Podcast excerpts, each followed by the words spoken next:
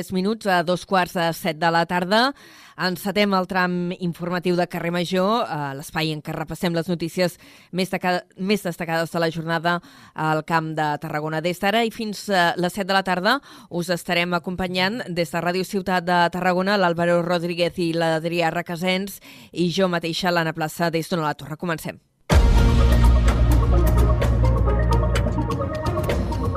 I avui obrim eh, l'informatiu parlant de l'ensur que s'ha viscut aquesta nit, eh, afortunadament sense conseqüències, al polígon petroquímic sud, on hi ha hagut una fuita d'àcid clorhídric a l'empresa Covestro, situada al terme municipal de la Canonja, que ha obligat a posar en prealerta el pla d'emergència exterior de la química de Tarragona, el pla secta. Adrià Requesens, bona tarda. Bona tarda, Anna. Doncs així és. L'incident es va produir ahir cap a les 11 de la nit durant unes maniobres obres de transvasament del producte d'un dipòsit a un altre. Protecció Civil ha informat que la pròpia empresa s'ha encarregat de neutralitzar el producte basat. L'incident no ha provocat, això sí, ferits i, per tant, no s'ha hagut de mobilitzar mitjans externs. Per aquest motiu, el pla secta no ha passat de prealerta. I més uh, qüestions. Uh, parlem també de l'evolució dels incendis que dimarts es van declarar al Camp de Tarragona. Ahir a la nit els bombers hi van donar per extingit el foc de la selva del camp que ha cremat unes 19 hectàrees. El foc es va originar la matinada d'aquest dimarts i tenia un potencial de més de 400 hectàrees. Els agents rurals treballen amb la hipòtesi d'una crema de restes vegetals mal apagada que hauria produït un efecte carbonera com a possible causa de l'incendi. I en el cas de l'incendi que hi ha hagut al Calafell, al Baix Penedès, els agents rurals apunten que en aquest cas l'origen podria estar en una avaria en una línia elèctrica que passa just al costat on es va iniciar el foc. Els agents rurals han traslladat el cas al jutjat de Vendrell, que ha obert una investigació. El foc de Calafell va calcinar 24 hectàrees de zona forestal molt a prop d'urbanitzacions. El foc es va donar per controlat ahir al migdia i avui queden 5 dotacions remullant i vigilant per evitar revifades. I el Comitè Local d'Informació de la Central Nuclear Vandellós 2 ha celebrat la seva 23a reunió aquest dimecres. L'acte va tenir lloc a la sala Boneta Castellana del Centre Cultural Infant Pere de l'Hospitalet de l'Infant.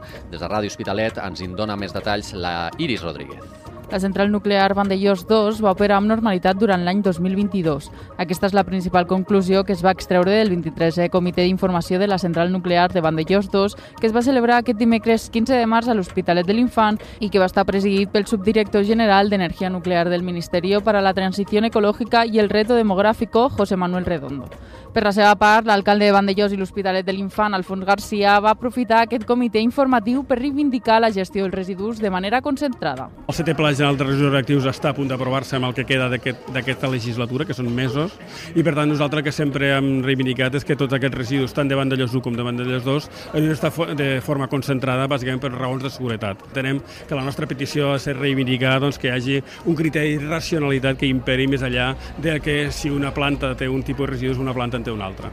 En aquesta reunió hi van participar també representants del Consell de Seguretat Nuclear i de la Direcció General de Protecció Civil i Emergències amb diverses ponències sobre actuacions en els àmbits de la protecció de la salut. Moltes gràcies, Iris. I l'actualitat d'avui també passa pel transport i les infraestructures. L'aeroport de Reus manté 23 destinacions per aquesta temporada.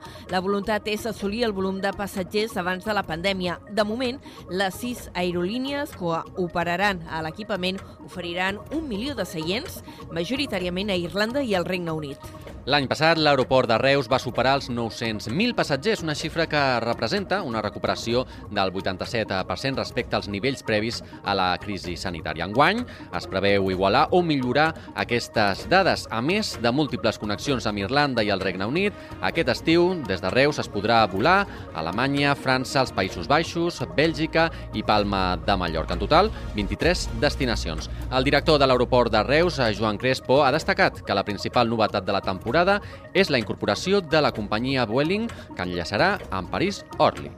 Sí, respecte a la temporada passada, doncs celebrem que Vueling eh, inaugura ruta i ens connecta amb l'aeroport de París-Orly i també podem dir que Palma de Mallorca continua sent una destinació operada per Air Nostrum, per tant eh, es mantenen aquestes 23 destinacions i, bueno, i esperem que durant la temporada podem tenir noves novetats. Les altres eh, companyies que operaran a l'aeroport de Reus són Ryanair, Jet2, Air Nostrum i dues filials de TUI. L'aeroport de Reus té capacitat per acollir fins a 2,5 milions de passatgers anuals. Valls alerta que els trens de mercaderies del corredor mediterrani podrien acabar travessant la ciutat. La capital de l'Alcamp i també Pica Moixons s'han posat en alerta davant de les alternatives que està estudiant el Ministeri de Transport per desviar aquests trens cap a l'interior. De fet, assenyalen que dues de les tres possibilitats que hi ha sobre la taula tindrien un fort impacte a la zona. Des de Ràdio Valls ens informa en David Prats. En una roda de premsa, l'alcaldessa de Valls, Dolors Ferrer, acompanyada dels presidents dels barris que resultarien afectats, ha destacat que el Ministeri encara no ha informat oficialment el consistori dels corredors de traçat que s'estan estudiant i ha reclamat transparència en tot el procés. A més, Ferrer ha advertit de les afectacions i molèsties que tindria per la qualitat de vida el pas massiu de trens de mercaderies per l'actual línia ferroviària. L'Ajuntament i la ciutat de Valls és solidària amb els seus posicionaments i amb els de les ciutats de, de la costa tarragonina. No té sentit, com reclama la plataforma ciutadana, que l'actual línia de la costa continuï sent una línia de circulació de trens de mercaderies, amb la pèrdua de qualitat de vida i el risc que això comporta. Per això mateix reclamem al Ministeri responsabilitat, transparència i voluntat de consens. El consistori ha alertat que aquestes alternatives poden afectar un total de 9 barris i dos centres educatius.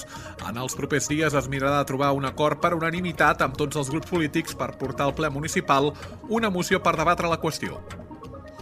Moltes gràcies, David. I encara parlant d'infraestructures, destaquem que el Port de Tarragona ha tret a licitació la segona i última fase de les obres de la terminal interior que s'està construint a Guadalajara. Les obres duraran un any i suposaran una inversió de 26,7 milions d'euros. La voluntat de l'autoritat portuària és que aquesta terminal, que s'està fent prop de Madrid, estigui operativa l'any vinent. La seva funció serà facilitar la sortida de mercaderies des de l'interior cap al Mediterrani. De fet, segons ha informat el port, aquesta terminal serà el principal port port sec del centre peninsular. En la primera fase s'ha preparat els terrenys que la terminal, que ocuparà una superfície de 150.000 metres quadrats, i ara en la segona s'instal·laran 19 desviaments que permetran que els trens facin tots els moviments i maniobres. Es construiran tres vies de càrrega i descàrrega i tres de sortida i arribada de trens. Aquesta terminal està pensada perquè hi operin trens de fins a 750 metres de llarg. En total es construiran 7.750 metres de via d'ample ibèric. La segona fase del projecte projecte també inclou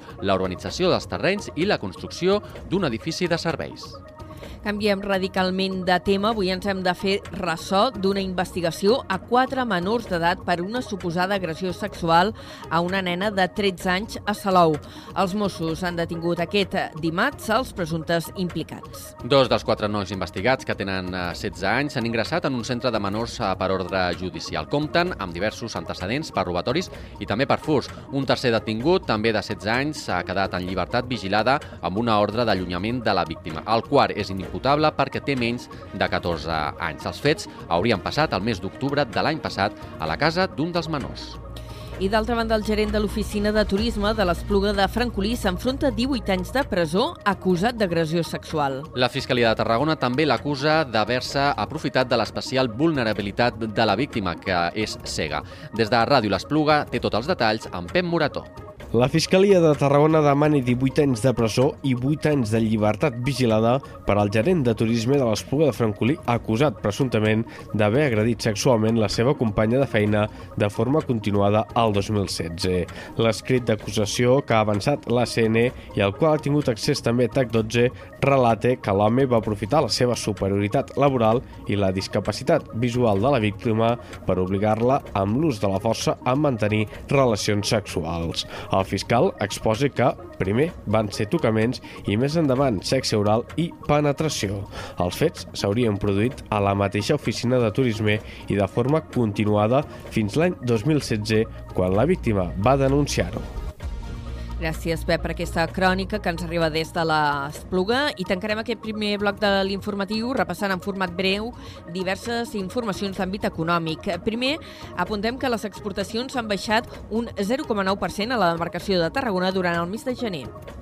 Durant el primer eh, any, el volum de vendes a estrangeria va fregar els 821 milions d'euros, un 0,9% menys que el mateix període de l'any passat. Les dades les ha publicades avui el ministre d'Indústria. A més, al mes de gener, els principals sectors exportadors han estat els productes químics i els productes energètics, que van créixer un 61,9%.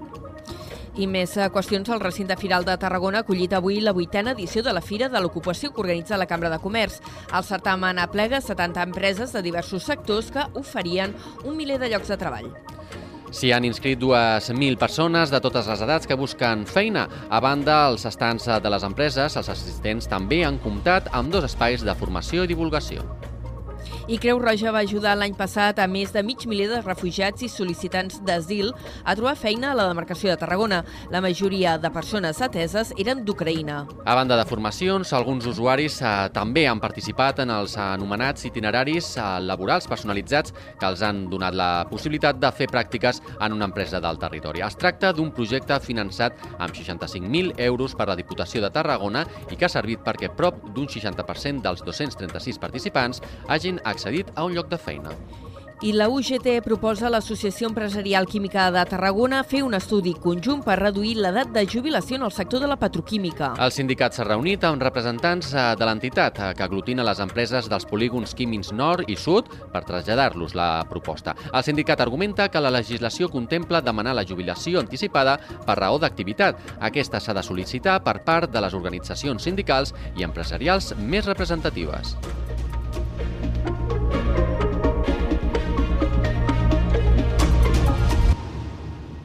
Un minut i seran tres quarts de set de la tarda. En crònica local ens situem per començar a Tarragona per parlar d'una ruta circular que s'ha estrenat a l'entorn del riu Francolí. El projecte, que sorgeix dels pressupostos participatius, ha suposat una inversió de 29.000 euros. Els treballs han durat cinc mesos i els ha realitzat l'associació Aurora. S'han recuperat un quilòmetre de camí natural que va del parc ecostòric del Pont del Diable fins a la reclosa de Sant Salvador. S'han netejat 19.000 metres quadrats de terreny. A més, s'han actualitzat la senyalització i s'ha instal·lat també un tancament perimetral. La regidora de Medi Ambient de l'Ajuntament de Tarragona, Eva Miguel, ha destacat l'aposta per recuperar l'entorn natural del Francolí aquí avui una de les coses que venim a fer és reivindicar no? aquest riu francolí que molta gent de Tarragona potser se pensa que no té vida, potser lo veu que està en una situació lamentable, en una situació eh, de deixadesa, que en part és així. I d'aquí la necessitat precisament que se donen a, a terme aquest tipus d'actuacions, no?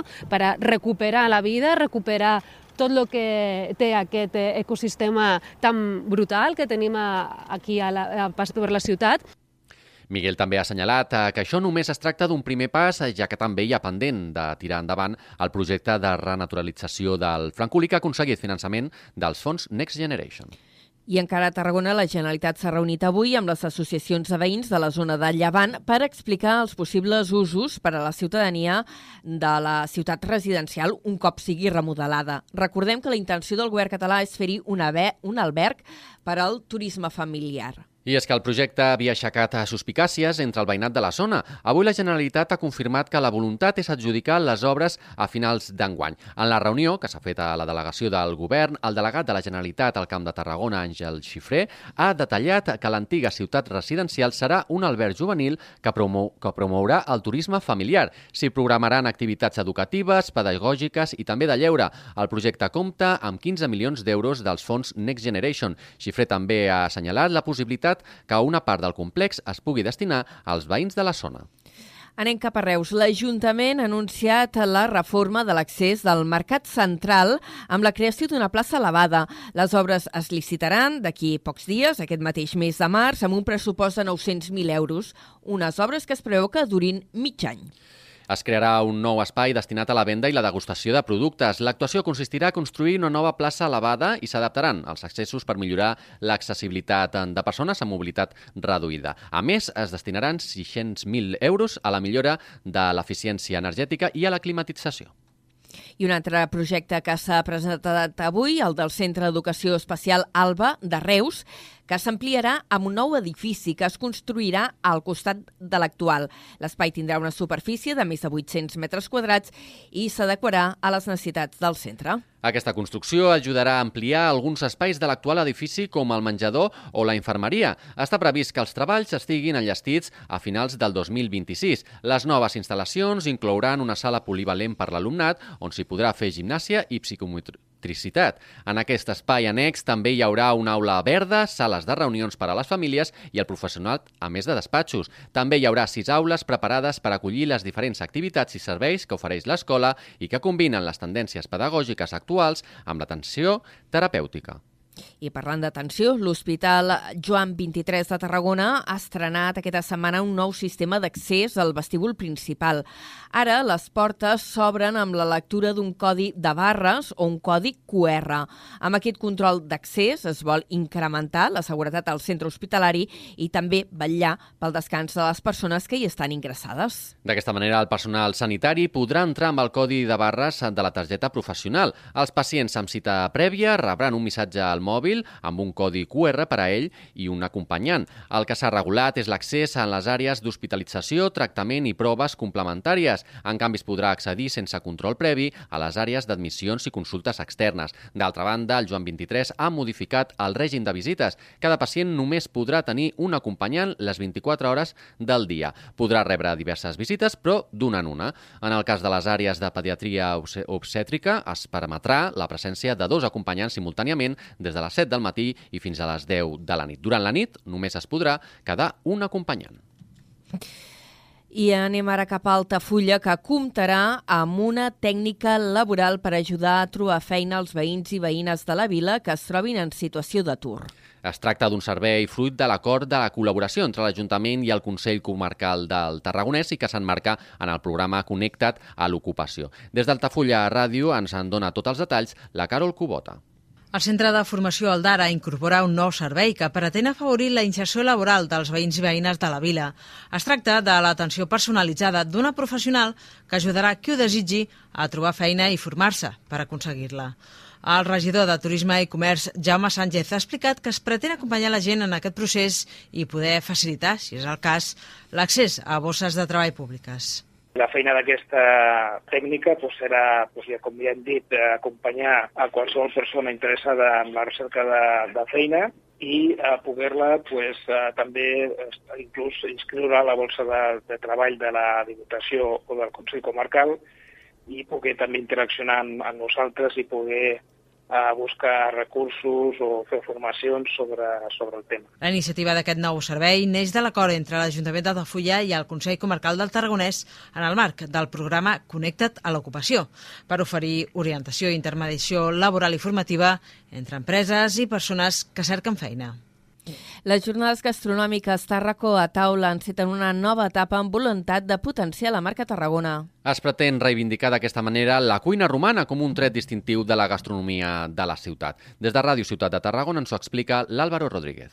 El xef tarragoní Moja Quats, del Terrat by Quats, és el president de la nova junta directiva de l'Associació Gastronòmica Tarraquataula, juntament amb la vicepresidència de Xavier Fernández, del restaurant Seasons. Aquest dijous, Quats ha donat els detalls d'aquesta nova etapa de l'associació al Bon Dia Tarragona. Tarracoataula va néixer el 1997, un any abans de Tarracoviva, i des de llavors ha estat vinculada al festival. Araquats relata que la intenció és fer de Tarracoataula un foc d'investigació culinària i activitats durant tot l'any més enllà de Tarracoviva. Tot un canvi de mentalitat amb l'objectiu de reivindicar la cuina romana com a un tret distintiu de la gastronomia de la ciutat. Actualment l'associació compta amb 16 restaurants vinculats. El president també treballa amb la voluntat de poder oferir als turistes una experiència coherent amb l'oferta patrimonial patrimonial i cultural. Quan traiem algun plat eh, que altre, doncs hi ha molt, molt, molt inquiet per, per la cultura, que ve a Tarragona ciutat doncs, a visitar els museus, a visitar els monuments, eh, doncs, quan hi troba aquests plats al restaurant, doncs, com que l'experiència es fa més, més, més interessant, no? El tret de sortida d'aquest nou camí serà un show cooking al Mercat Central que presentarà tots els plats de l'associació per enguany. Quats també ha avançat que volen portar el banquet romà del Convivium a l'amfiteatre per fer-lo una activitat més lúdica i vinculada a la ciutadania.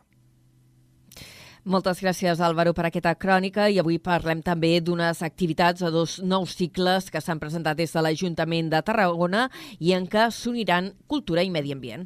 S'ha programat una cinquantena d'activitats que incideixen en temes eh, com la sostenibilitat i la lluita contra el canvi climàtic. Des de Ràdio Ciutat de Tarragona ens ho detalla la Judit Fernández. El proper 3 d'abril, Tarragona donarà el tret de sortida a dos cicles culturals que tenen com a element principal la defensa del medi ambient. Els cicles Cultura, Extinció i Clima Actives busquen promoure la cultura transformadora i generar un pensament crític per construir un canvi en l'àmbit mediambiental. Des del cicle Cultura Extinció es realitzaran exposicions, tallers per a tots els públics o espectacles de carrer que consciencin els tarragonins sobre el món sostenible. Per la seva banda, el cicle Clima Actives intenta arribar als joves per a que reflexionin sobre el món al que vivim i com l'afecta la cura del medi ambient. Així ens ho explica Hernán Pinedo, conseller de Joventut i Cooperació. L'objectiu és el mateix, sensibilitzar i conscienciar al voltant dels problemes i donar eines a les persones joves per eh, enfrontar-se a aquest món, diguéssim, actual que té problemes medioambientals, climàtics i per tant són reptes de futur i volem donar eines als joves de la ciutat perquè puguin enfrontar-se a aquests reptes tan importants. L'evolució cultural sostenible i la conscienciació dels joves del territori per cuidar el medi ambient són els eixos principals d'uns cicles que ocuparan Tarragona fins al proper mes de juliol. Moltes gràcies, eh, Judit. I encara una altra prèvia de cara a esdeveniments eh, pels pròxims mesos, ara situats a Montblanc, perquè després de tres anys d'aturada, eh, la ciutat eh, eh ducal recupera Bricània, el festival dedicat a les construccions de Lego. Serà la sisena edició del festival que omplirà la vila dels amants del Lego. Des de Ràdio Montblanc ens ho amplia en Josep Ardila. Montblanc torna a programar el Festival de Construccions de Lego després de 3 anys d'absència per la pandèmia. El 10 i 11 de juny tindrà lloc la sisena edició de Bricània. L'antiga església de Sant Francesc tornarà a ser l'epicentre del festival, amb l'exposició de diorames com a principal atractiu. També s'han programat tallers, concursos de creativitat i jocs de pistes. Una de les novetats és un taller de robòtica adreçat a docents per poder introduir els robots de Lego a les aules. Quim Caral és el cap de l'àrea de turisme de l'Ajuntament de Montblanc. Bricània no només és per un públic familiar i de nens, que és un Lego adreçat específicament a docents, a professors, per entendre com a partir de la utilització de, de Lego es pot millorar en, en l'ensenyament. Eh, per aquí doncs, segurament estarem eh, iniciant una, una, una, una línia de, de, de treball eh, doncs, amb idea ja a més mig termini. Les entrades pel festival ja es poden comprar a través del web de Bricània a www.bricània.cat. Moltes gràcies, Josep. I el Centre de Visitants de l'Hospital de l'Hospital del Coll de Balaguer de l'Hospitalet de l'Infant compta o acull aquests dies l'exposició Tota pedra fa paret, la pedra seca a Catalunya. Una mostra que està impulsada pel Departament de Cultura de la Generalitat. Des de Ràdio L'Hospitalet ens ho explica l'Iris Rodríguez. No és possible escoltar aquesta crònica, en bordem altres qüestions. En Cultura parlem d'una nova òpera amb segell tarragoní. Es tracta del Posca, de la Tosca de Puccini, que s'estrenarà el 28 de juliol a la Tàrraco Arena, plaça amb direcció del reconegut baríton tarragoní Àngel Òdena. D'aquesta manera es dona continuïtat a l'experiència de fa dos anys, quan es va estrenar Rigoletto, de Verdi, al Camp de Mar, amb molt d'èxit i amb músics i intèrprets majoritàriament del territori la nova producció operística amb Diau Tarragona compta amb la implicació d'institucions i empreses com Rapsol. Àngel Òdena ha manifestat la voluntat que a Tarragona es faci també un lloc en l'òpera.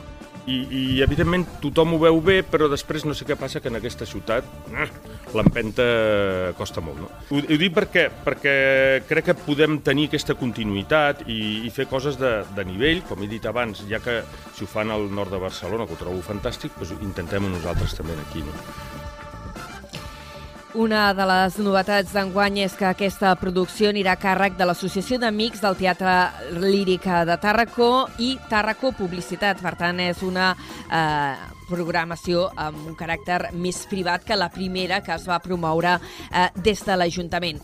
Això serà el juliol, si teniu ganes d'òpera, recordeu, però també que aquest cap de setmana hi haurà cita Madame Butterfly, de Puccini, també al Teatre Tarragona, en aquest cas de la mà dels Amics de l'Òpera de Sabadell, que fa molts anys que s'hi dediquen i que són els que porten l'òpera per tot Catalunya. Adéu-siau.